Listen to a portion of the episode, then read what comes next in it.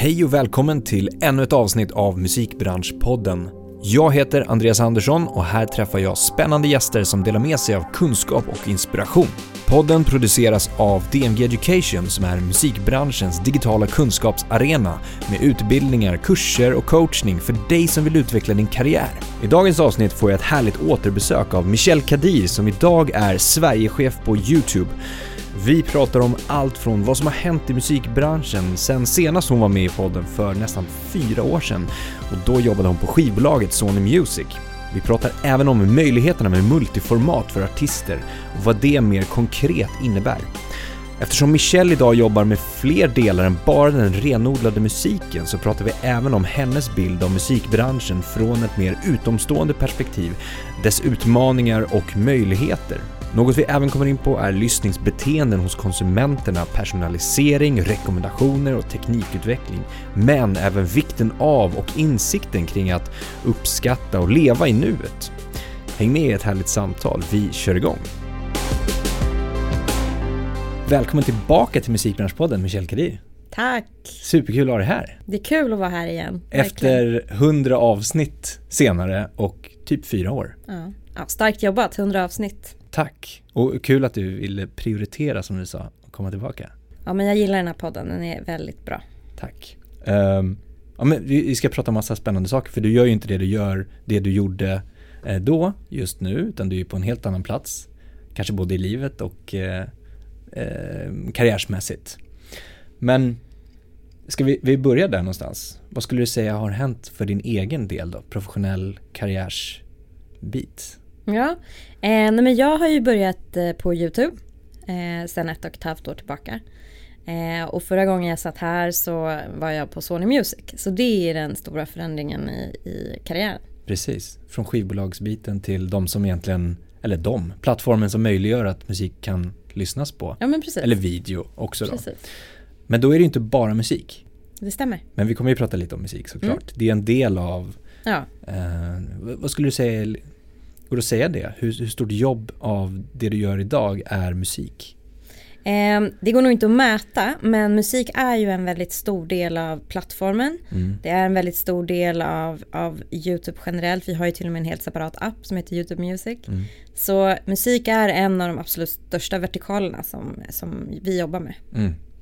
Ja men vi kommer komma in på massa coola spännande saker eh, kring det.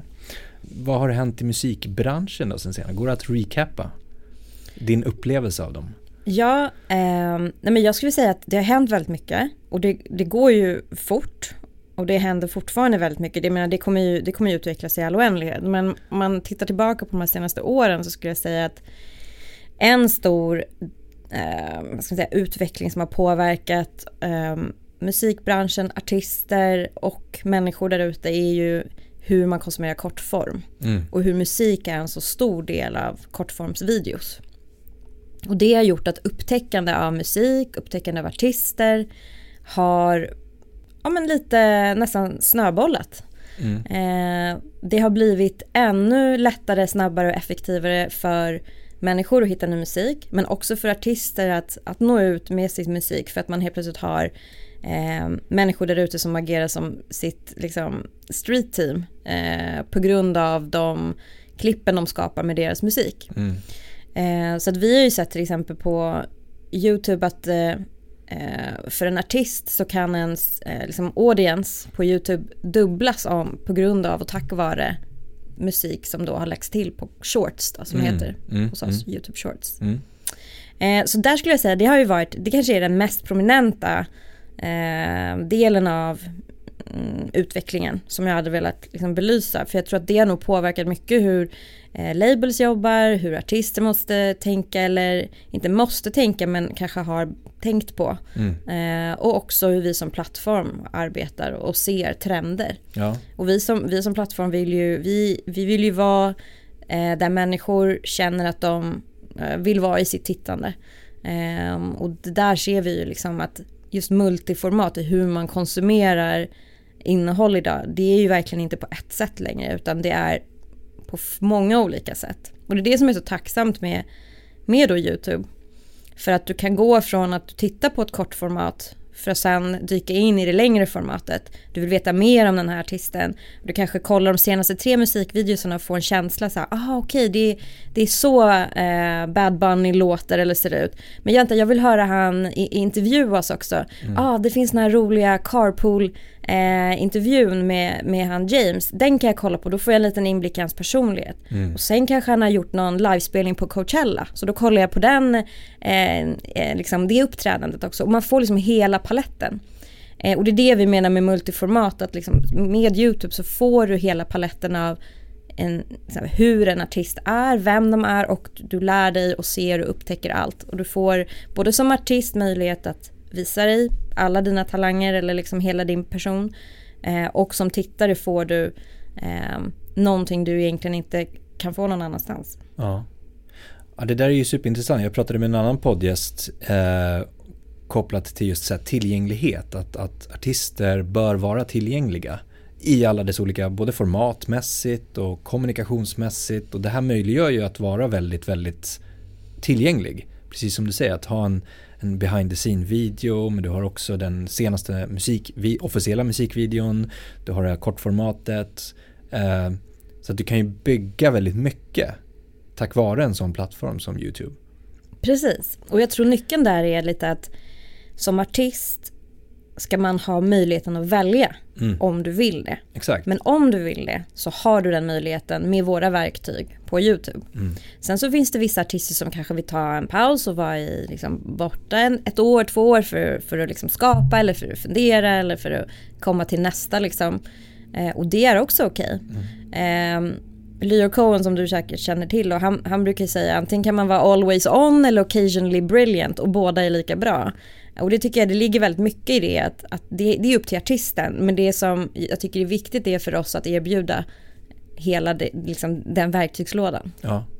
Det här med formatmässigt som du sa, jag tycker mig minnas lite grann att ja, men 4, 5, 6, 7 år sedan kanske eh, i och med de här kortformaten att allt blev liksom tajtare, tajtare, tajtare, kortare, kortare och folk började prata om att ska även ljudformatet bli kortare, ska låtar bli kortare Ska man bara ha liksom 30 sekunders låtar att lyssna på för att det ska gå så snabbt? Men den utvecklingen har vi inte sett riktigt utan det är ju precis som du säger, det, det är ju videoformatet på något sätt som, som, som har blivit det.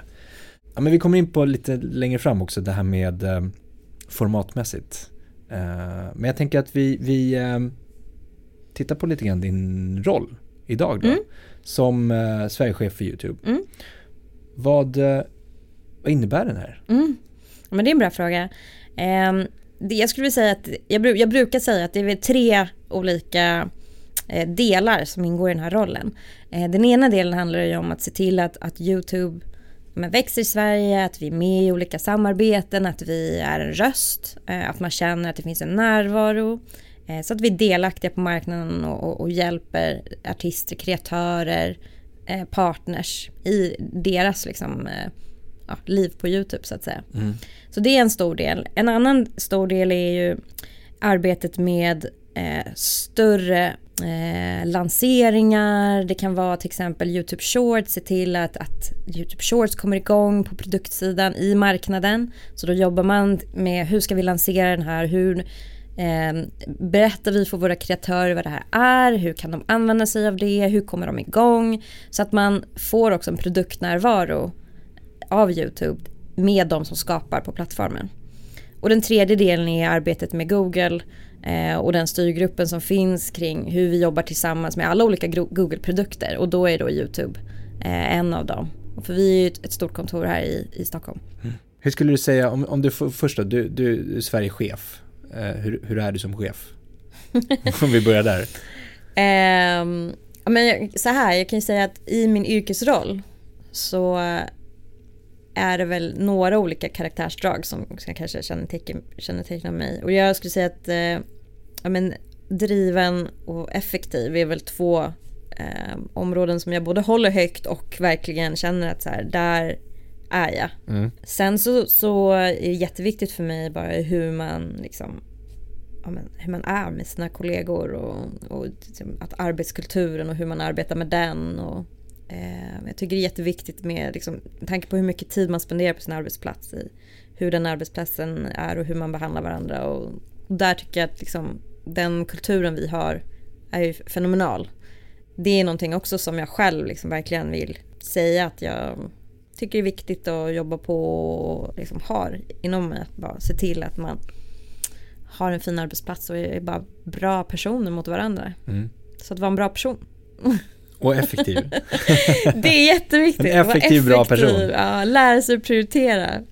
För att jobb ett tar aldrig slut. Och det har min mamma sagt till mig sedan jag var liten. Jobbet tar aldrig slut. Och hon har helt rätt i det. Det tar verkligen aldrig slut. Det finns inget liksom. Men eh, kan du prioritera så kan du få otroligt mycket gjort. Och du kan också få otroligt mycket gjort på kort tid om du är effektiv. Mm. Så att det är det viktiga. Prioritera, vara effektiv och som driven. Du måste veta vart du ska. Ja, och effektiv. Jag slänger in fokus också. Alltså att du måste ha rätt fokus på din effektivitet. Ja men är inte det prioritet då? Jo det handlar om ja. att prioritera rätt. Att prioritera ja. rätt. Exakt. Att vara, ha fokus på rätt sak. Precis. Yes. Ja. Så det är definitivt något. Och det där i sin, jag tänker bara på eh, som en ledarroll att vara effektiv kräver ju kommunikation också. Mm. Eh, just att kommunicera mot anställda, mot partners, mot eh, inte vet jag, möten du ska ha. Mm. Så att de förstår, mm. har en förståelse för Um, att vara tydlig är så viktigt. Precis. Att liksom, ja för det kan oftast bli att man kanske uppfattas som kort mm. om man är effektiv. Men har man ett tydligt fokus, tydlig kommunikation så kan du fortfarande vara effektiv Absolut. utan att vara kort. Absolut. Och där gäller det ju bara att använda dig av sandwichmodellen som jag brukar kalla det för. Du måste ha ett lager där du, där du har liksom, hej hur är läget, var alla bra?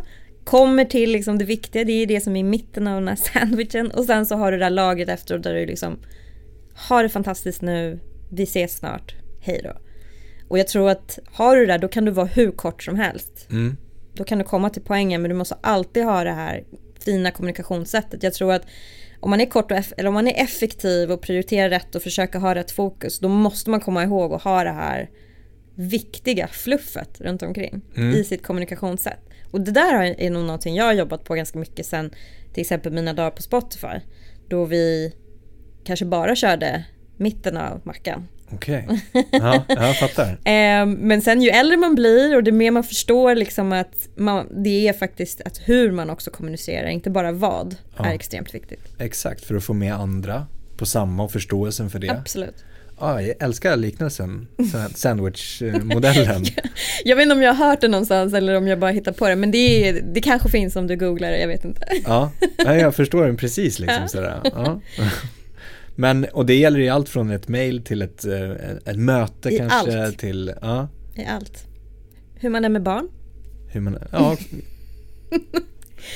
Du får, tänka, jag, du får ja, men, mig att tänka till jättemycket nu kring ja, men massa bra. saker. Men tänk om... när du lämnar eh, barn på, på en förskola. Ja. Du kanske måste påminna barnet om så här, du måste ha kepsen på dig, att det är jätteviktigt. Men både innan och efter du säger den här viktiga poängen så kanske du adderar en kram eller har någon typ av vänlighetsfaktor i det hela. Så det inte bara blir så här, ha på dig kepsen nu och så går du därifrån. Nej. Så att, förståelsen, så, så, fluffet är förståelsen på något sätt för Fluffet är liksom eh, innehållet. Jag ser dig. Ja. Och jag respekterar dig. Ja. Och sen poängen ska vara så tydlig och kort som möjligt. För det, då kommer det liksom fastna. Exakt. Men det här är verkligen, det här är verkligen mina egna filo, filosofier kring, kring kommunikation. Jag älskar det. Jag, liksom, det. Det makes sense när man pratar om det såklart. Jag tycker ja. det är otroligt bra. Um, Finns det några likheter med dina tidigare roller? Jag tänker på att du ändå också kommer från eh, Spotify mm. eh, och sen jobbar på skivbolagssidan mm. och sen tillbaka på en plattform. Ja, alltså det finns ju likheter på det sättet att i alla rollerna har eh, jag arbetat väldigt nära kreatörer och artister. Eh, och i alla roller har jag också jobbat nära produkten. Sen är det så att vissa roller har varit mer förstärkt beroende på vilken, vilket bolag det har varit på. Så att idag skulle jag vilja säga är det nästan som en eh, ja, som ett ihop, en ihopmix av alla de tidigare roller jag haft, vilket är roligt. För då mm. får man liksom nyttja alla sina erfarenheter och, och känna att man kan bidra med, i sin roll mm. med den erfarenhet man har. Så jag skulle säga att idag är väl mixen av det jag gjort tidigare. Just det. Ja. Spännande, det låter ju väldigt kul. Det är jättekul, men jag trivs eh, otroligt bra. Och, och ta de här, ja men visst att, att ta de liksom professionella stegen att se att man utvecklas. För du har ju det drivet, jag tror att vi pratade om det förra gången till exempel, att, att vilja vara med och skapa någonting och bidra med någonting och utvecklas och liksom att inte stå stilla någonstans mm. heller. Mm. Um, var det det som lockade på något sätt i, i, i övergången eller vad man ska säga? Definitivt, alltså jag, det, är, det är liksom dubbelt. Jag känner både att jag har mycket att ge och jag känner att jag har mycket att lära. Mm. Och jag mm. tror att det är det som är någonstans kombinationen för, för där jag trivs bäst. Eh, och, så är det verkligen här. Hur tacklar du sådana så här, lärargrejer då? Alltså letar du efter dem och så bara, ja men det här är jag nyfiken på. Ja men alltså dels är det så, i jobbet ingår ju eh, många områden jag inte har arbetat med tidigare. Mm. Eh, som till exempel nu i eh, höstas när det var val i Sverige. Eh, då arbetade vi eh, på YouTube med, det, med valet, så hur ser vi till att valet är tryggt och säkert och att, att eh, det inte finns till exempel missledande eller vilseledande information på plattformen. Och då jobbar man tillsammans med Google och man jobbar internationellt med andra team och som har också haft val i sina länder. Det har ju jag aldrig arbetat med tidigare. Jag har ju bara enkom jobbat musik. Mm. Men superspännande. Eh, och så då blir det ju någonting när man arbetar med det, då lär man sig.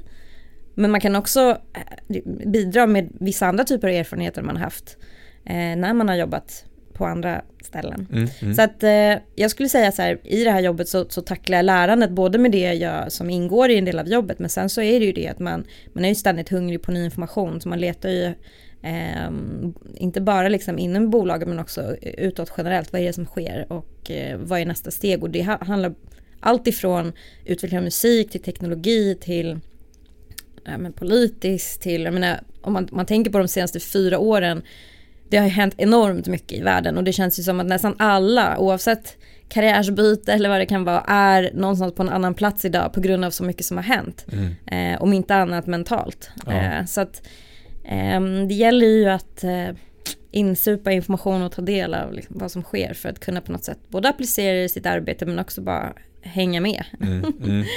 Var det ett svårt beslut att, att lämna så mycket av musiken, även fast du har lite av, mm. av det kvar så att säga? Nej men alltså vet du, det var inte det, för jag var så trygg med att musik är en så stor del av YouTube. Ja. Ehm, och jag var mer taggad på att, att jag kommer fortfarande jobba med musik och då är det med YouTube, gud vad roligt och spännande. Mm. Och samtidigt fler, liksom, jag kommer kunna jobba med gaming, jag kommer kunna jobba med liksom, matlagning, jag menar, vad som helst. Innehåll, bubblor där ute som är, når alla människor. För även om musik är kanske världens största gemensamma intresse så finns det ju väldigt många andra intressen och det är alltid härligt att jobba med något, med något som berör människor. Ja, spännande. Och om vi går in på YouTube som plattform då, eh, att ge alla en röst som är lite av ert mission. Vad, vad betyder det? Nej, men det betyder ju att vi ser ju på vår plattform som en, en liksom demokratisk plats där oavsett vem du är och vart du än är så ska du så friktionslöst som möjligt kunna ge av ditt, ditt kreativa inre ut på vår plattform. Och det är väldigt viktigt för oss att, att se det som att det finns inga gatekeepers. Det finns ingen som säger att eh, du har inte nått den här nivån av artistisk talang eller du har, du, inte, du har inte kommit till den här nivån när du gamer eller att din matlagning är inte är perfekt än utan det är snarare tvärtom. Det är snarare så här, det du har där ute och det du har där inom dig få ut det på plattformen, mm. ge alla en röst och det är det som är så intressant att se att det har ju skapats oändligt mycket talang från YouTube där kanske inte planen var att bli en av Sveriges största X eller Y utan det var bara någonting man ville testa på. Mm. Och vi har ju sett, om man tar till exempel Anis Demina som är ett väldigt bra exempel. Han hade artistdrömmar från allra första början och började lägga upp liksom lite om det från sitt rum. Han har liksom utvecklats till att gå in och blivit en av Sveriges största reaction-videos kommentatorer till att sen nu bli en av absolut Sveriges största så här, folkkära artister som är med på de största programmen som Idol, eh, som är nu med och är liksom programledare på radio. Eh, och det är bara så intressant att se, vägen på YouTube är absolut inte klar vad som kommer ske när du väl börjar, men mycket kan hända just för att den är så friktionslös och demokratisk i sitt, sin form. Mm. Det finns inga regler egentligen kring vad du har för talang eller inte. Eh, så att det tycker jag är så viktigt då att vi, vi ger alla en röst och alla kan hitta dig och vem vet vart det tar vägen. Och någonstans har liksom YouTube-kreatörer blivit dagens nya mediehus. Mm, mm. Vilket är så coolt. Ja. Finns det några konkreta saker kring hur ni hjälper eh, kreatörerna i nästa skede? Alltså först tillgängligheten att vem som helst kan ladda upp och skapa content. Finns det något nästa steg i hur ni kan hjälpa till och accelerera? Mm. Men alltså det vi har ju som är otroligt hjälpsamt det är ju våra verktyg och där Analytics är en, en, väldigt stor del av det. Så om du till exempel idag är en artist och lägger ut musik då kan du eh, koppla till din musik i Analytics se till exempel hur mycket shorts har skapats med den här låten. Och då kan du snabbt se så här, okej, okay, eh, den här låten verkar till exempel vara någonting som väldigt många gillar att skapa eh, sina liksom shorts av och skapa innehåll kring. Då betyder det att jag kan ta den här låten och gå vidare med den. Just det. Um, man kan se allt och jag tror att det viktiga där är att se Analytics som en så stor del av, av din, liksom, ditt verktyg när du jobbar med YouTube. Och det, det där är ju jättebra som du sa, att testa på för att se vad som funkar och ge lite grann till eh, alltså de som tittar, lyssnar. Exakt. Och, och, det blir ju lite grann som att de bestämmer vad som är bra genom att skicka då, alltså att, att titta på det, skickas data, du kan analysera vad som funkar ja. och ta det vidare. Ja. Så det är en väldigt bra test. Nej men precis. Liksom AB-test nästan kan man ju kalla det för. Och sen till det finns det ju ytterligare fler intressanta verktyg så till exempel som du kan gå live, du kan ha ja. chat, du kan ha memberships. Det finns liksom väldigt mycket olika eh, fans-relaterade verktyg som du kan jobba med för att närma dig dina fans, prata med dem men också se liksom mer, vad är det som funkar? Mm. Och jag tror att, att bara våga testa och, och prova är det viktiga där.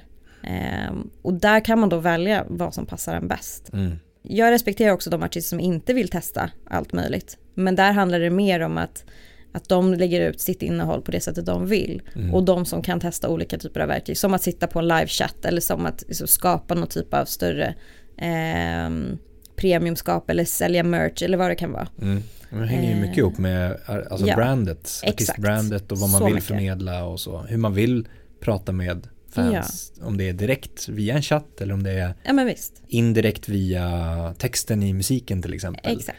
Um, och det, det, kommer ju verkligen till vem man är som artist och hur man vill arbeta med. Men jag tror att det viktiga för oss på YouTube är att det du vill eh, finns det verktyg för. Ja. Din syn på musikbranschen från ett utomstående perspektiv. Mm. Lite så. När du har varit i den och arbetat med artister, att utveckla dem, signa dem och eh, skapa liksom möjligheter för dem att få ut musiken. Mm. Um, utifrån din tidigare erfarenhet och nuvarande position. Mm. Vad skulle du säga skivbolagen mm. ska jobba med för att förbli liksom konkurrenskraftiga? Jag tycker det finns massor som labels gör bra mm. idag eh, och eh, som man ska fortsätta göra. Jag tror att eh, man glömmer ibland att, att labels är väldigt stora skepp i och med att man är så stora internationella organisationer så ibland kan det vara svårt att, att kanske styra skeppet eller snarare man kan styra skeppet men det kanske tar lite lång tid att faktiskt svänga. Ehm, det, som, det som jag ser som, som en väldigt stor möjlighet det är ju att när det sker så stora trender trendskiften, till exempel nu att, som vi sett med kortformvideos och hur musik har varit en stor del av det. Att man till exempel kan använda det som ett väldigt stort verktyg för artister man har signat innan det har hänt, liksom innan de har blowat och se till istället att använda de verktygen för att få dem att växa.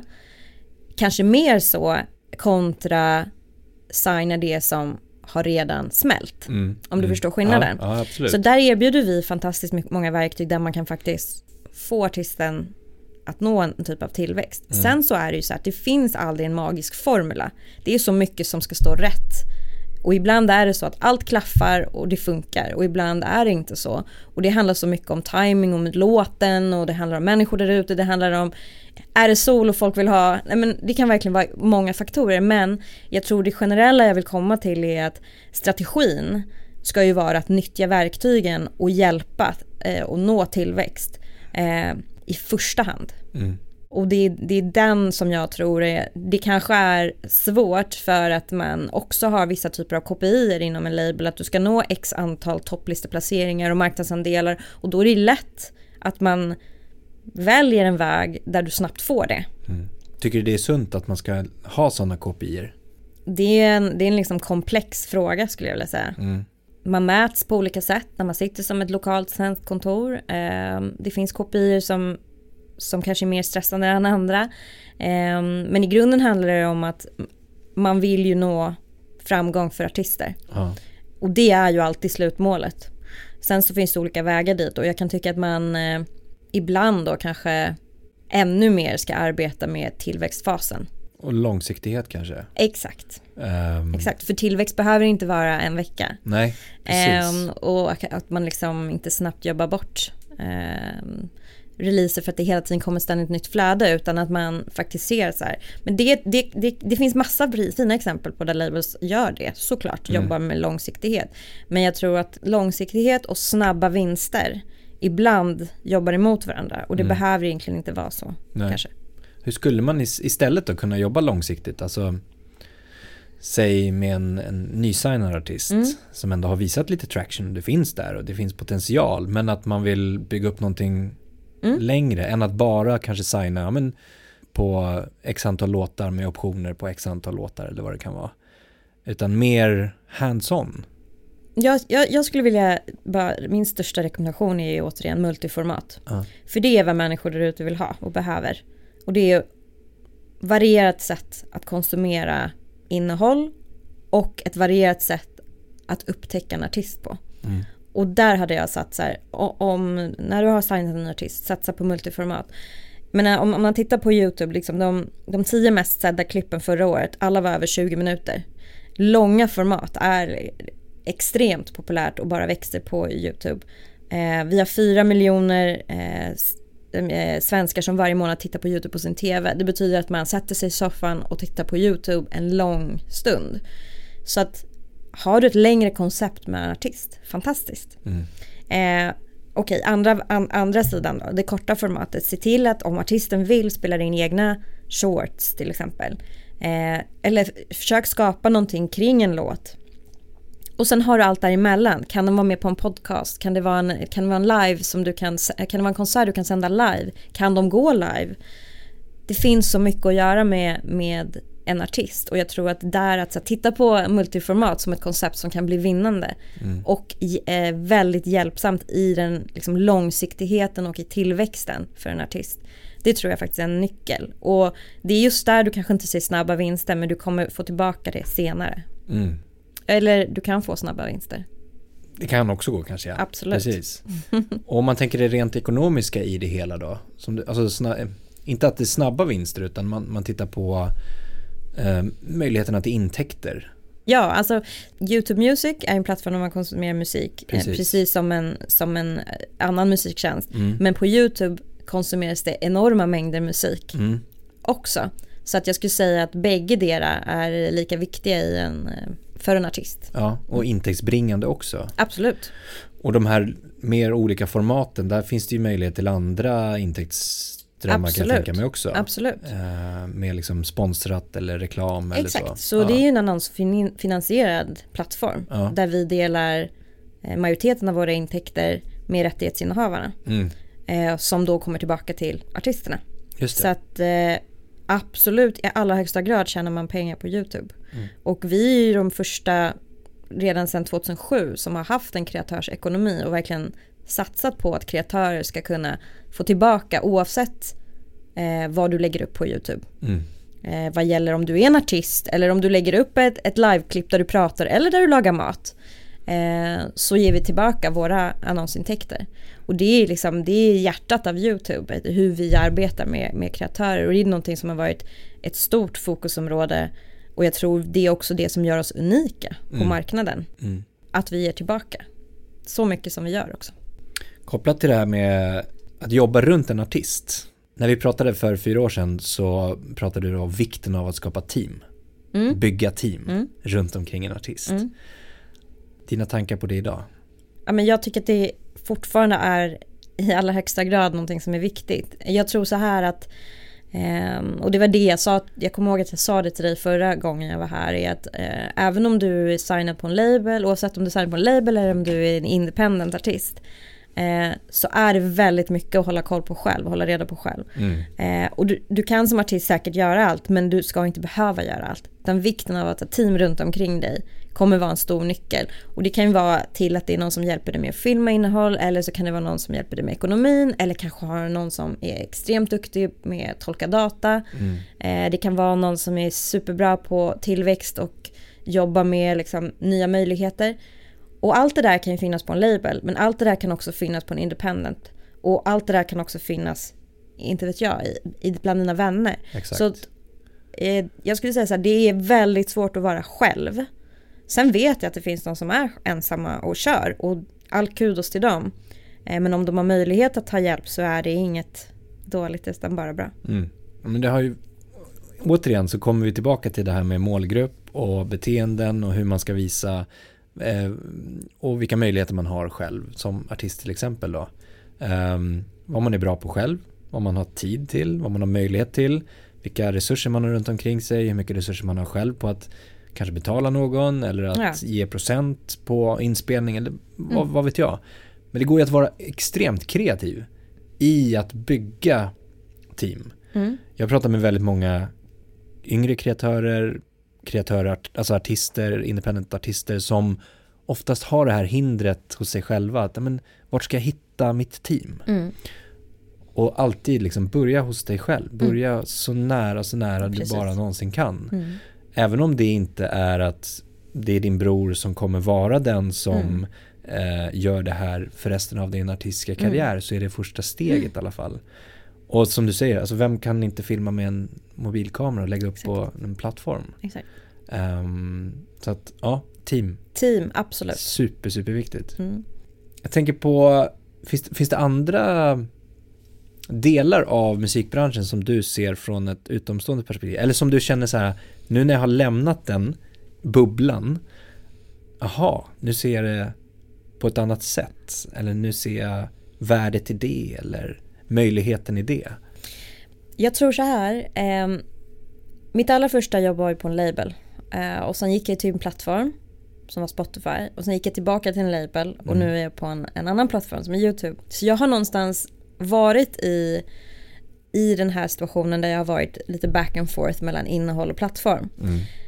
Jag skulle säga med åren, det som jag känner mer och mer är att jag har en sån enorm förståelse för bägge sidor och hela industrin med artister då som också är en del av det hela.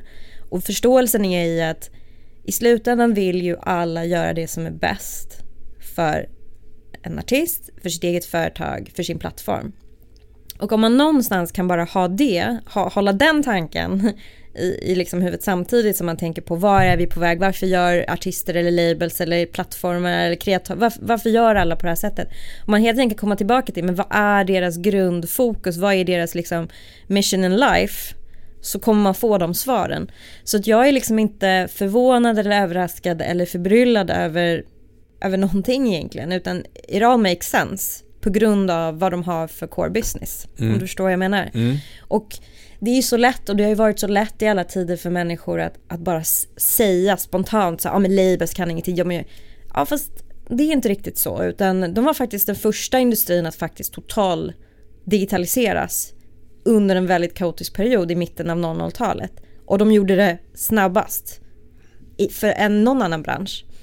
Och det är liksom, det är sådana saker de man aldrig hänvisar tillbaka till. Och det är, liksom, det är lite sånt skulle jag säga enkelt att bara säga labels hit, labels dit. Sen så har alla branscher och alla företag och alla organisationer har saker att jobba på.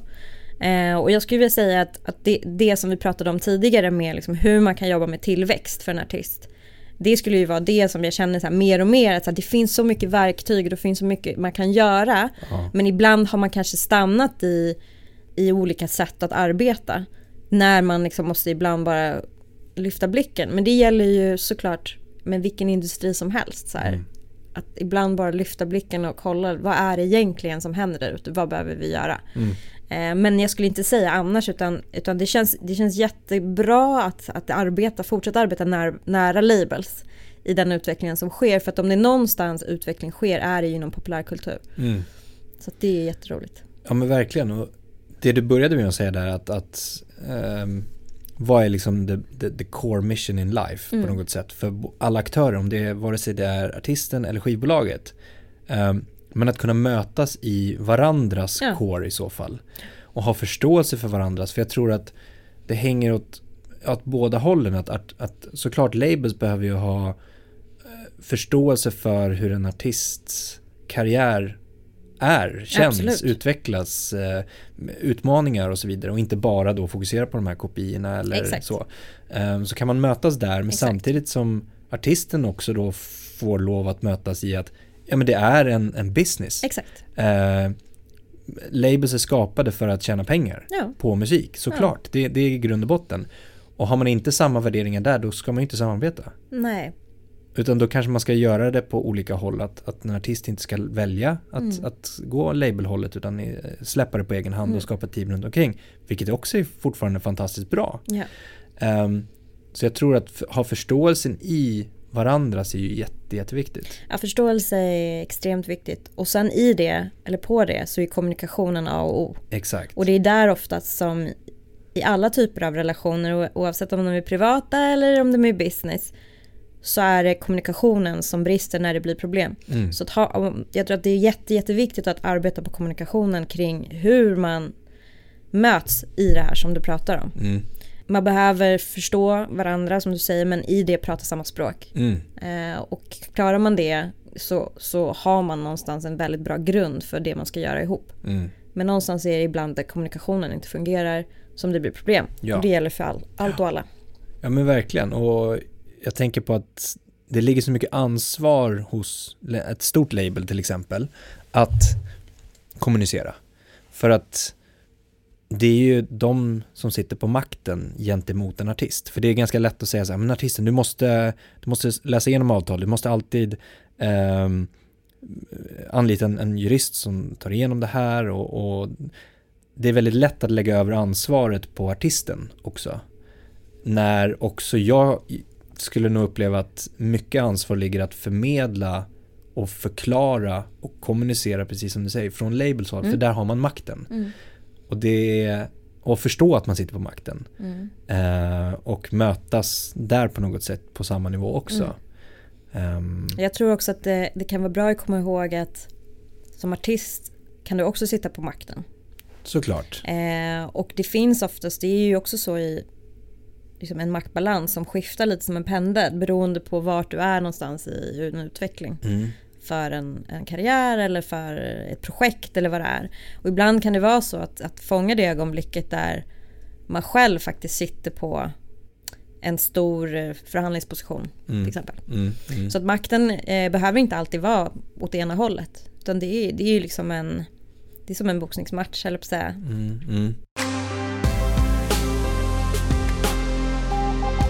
Angående, nu har vi pratat ganska mycket om liksom, eh, plattform i sig och, och, artisten i sig och aktören, skivbolag, label. Eh, om vi går över till konsumenten lite grann och bollar över dit, konsumentbeteenden. Yeah. Som ni kan se ganska mycket av också kan mm. jag tänka mig, just analysmässigt. Så har det ju skett mer och mer och mer och mer, alltså att det blir personligt lyssnande. Och du pratade om att eh, man har all möjlighet att upptäcka ny musik men det blir samtidigt svårare för att det finns så mycket att nå igenom bruset när allt blir rekommenderat utifrån tidigare lyssningar till exempel tänker jag på. Du satt med i en panel som jag modererade. Uh, vi, vi, tror att det var i höstas. Mm. uh, på Guldörat, där vi pratade om just det här med konsumentbeteende och personalisering av musiklyssnande. Vad, utifrån ert perspektiv, hur ser det ut när det gäller liksom lyssningsbeteenden inom musik nu då? då? Det är ju så himla bra att berätta att eh, vi har ju våra algoritmer och vår rekommendationsmotor. Men den är specialiserad inte bara på det du har lyssnat tidigare och att den, liksom, den, den konsumtionsbubblan eh, eh, du har hamnat i utan vi har också som mål men också det vi faktiskt gör är att vi ser till att bredda ditt lyssnande eller tittande. Så rekommendationsmotorn baserar inte alla rekommendationer på vad du tidigare har konsumerat utan också på att bredda. Mm. Just för att vi vill att människor där ute eh, ska få ta del av mer och i deras intresse ska väckas för mer. Och det gäller innehåll, inte bara musik utan egentligen allt.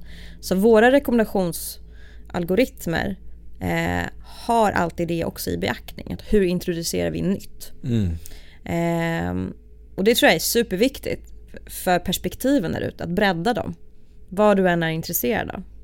Och vi, något annat vi pratade om var lean back och lean forward, ja. alltså lyssningsbeteende där och att radio till exempel är lean back oftast och eh, du pratade om att fyra miljoner svenskar har YouTube, på, alltså tittar på YouTube på tvn. Ja. Eh, det är ett aktivt beslut att sätta på någonting. Ja. Eh, där du inte, och, och, du väljer också vad du matas med. Precis. Ja men hur mycket av varje hur mycket lean back, lean forward, alltså det vill säga hur mycket aktiva val gör lyssnaren versus hur mycket passiva?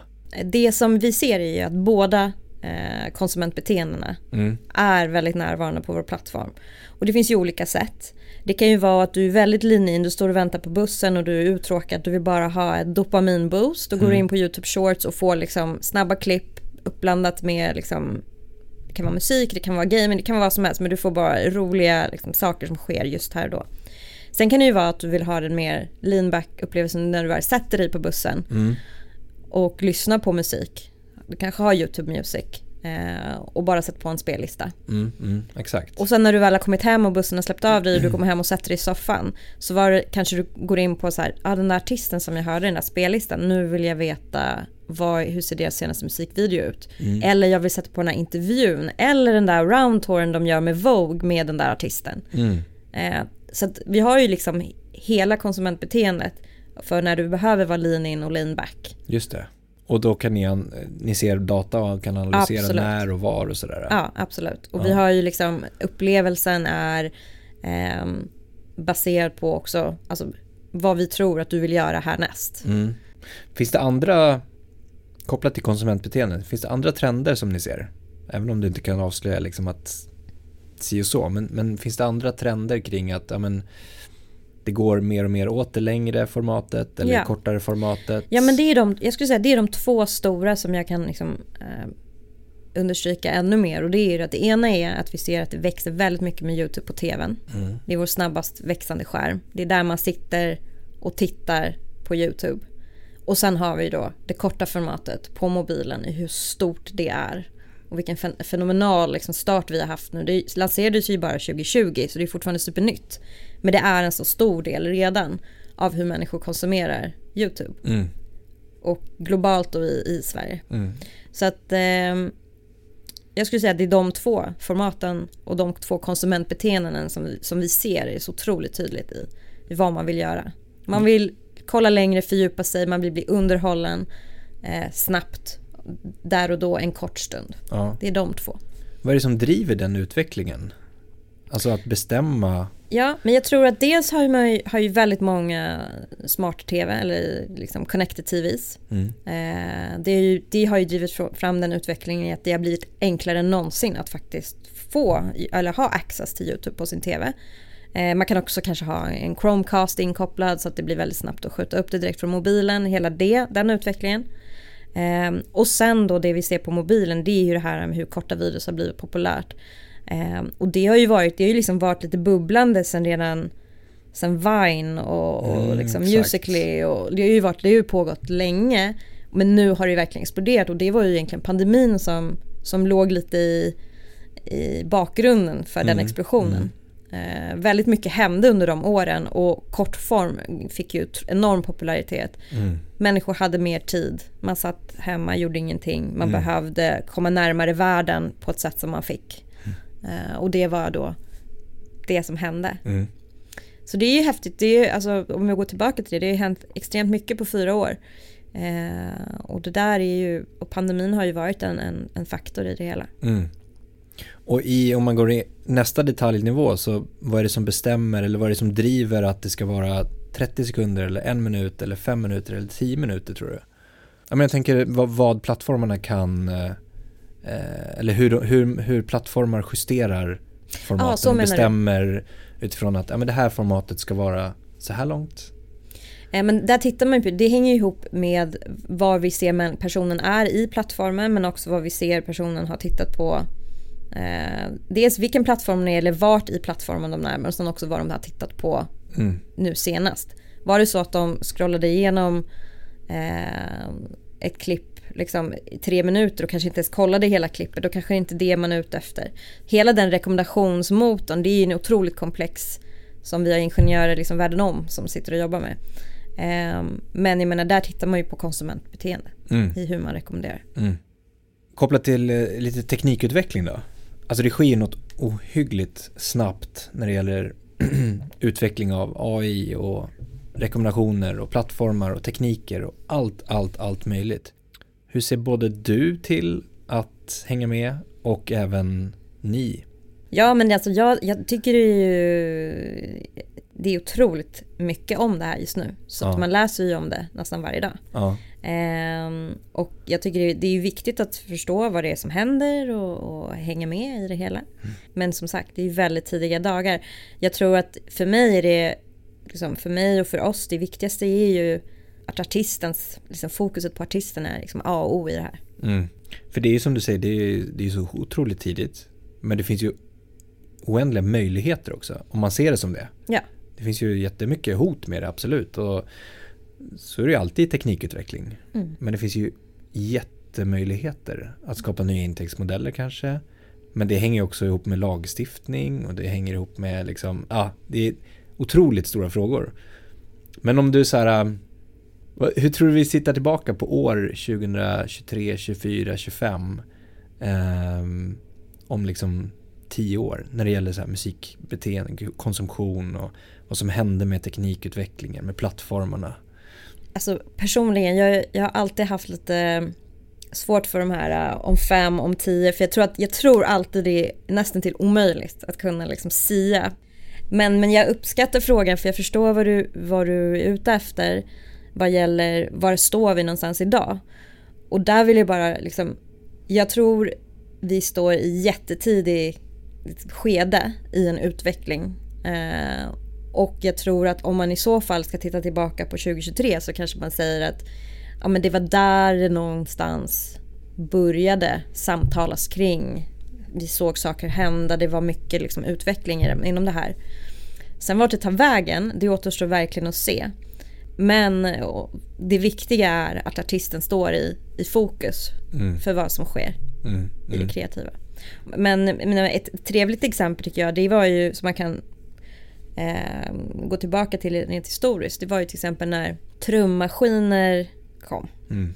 Eh, och hur det inte på något sätt eh, påverkade trummisar. Utan det det gjorde istället var till exempel att trummaskiner började användas inom hiphop och helt plötsligt fick hiphopen eh, ett nytt lager på hur musiken lät och hur det kunde utvecklas. Ehm, så att verktyg för en artist är alltid välkommet och viktigt. Mm. Och jag tror att det är där någonstans man måste se eh, till det hela. Exakt. det föder oftast innovation på något sätt. Ja. Alltså så här på gränsen till shit vad är det som händer? Eh, mentaliteten. Samma sak i inspelningsstudios när man kunde spela in på liksom, en dator. Ja men precis. Eh, de har ju såklart blivit färre men de finns ju fortfarande kvar. Ja. Man spelar fortfarande in livemusik i studios. Absolut. Um, och uh, ja, men utifrån det, teknikutvecklingen, nya genrer har skapats, Precis. nya mönster har skapats. Så att det finns ju någonting, ja, men man får väl välja själv och, och hur man ser det. Som en möjlighet eller som ett hot.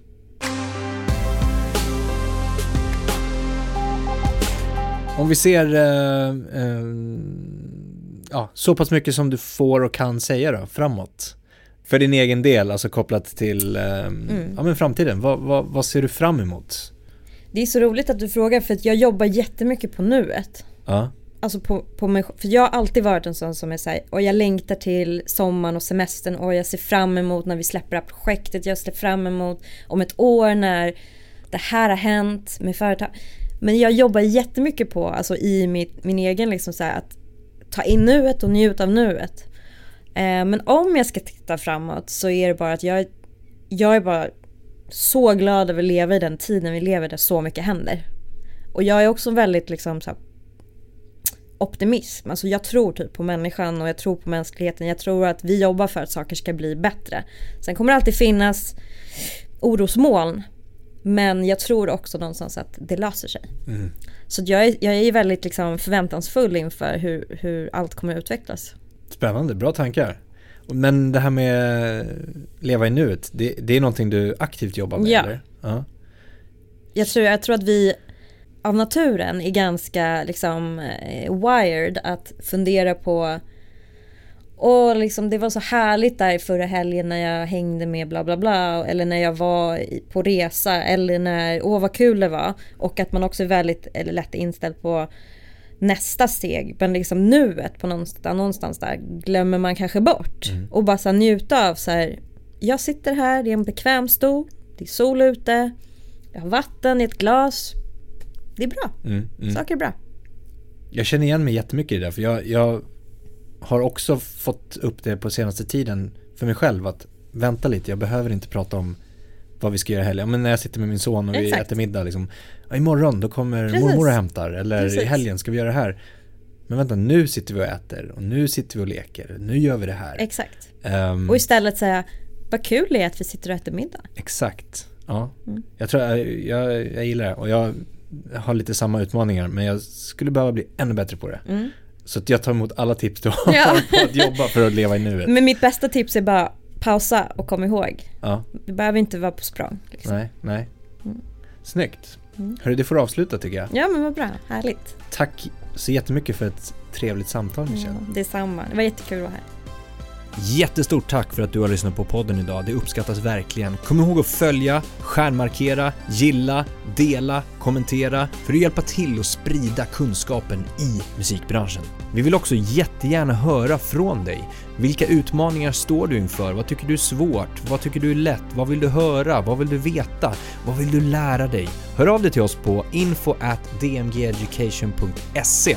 Tack för idag och ha en fortsatt härlig dag.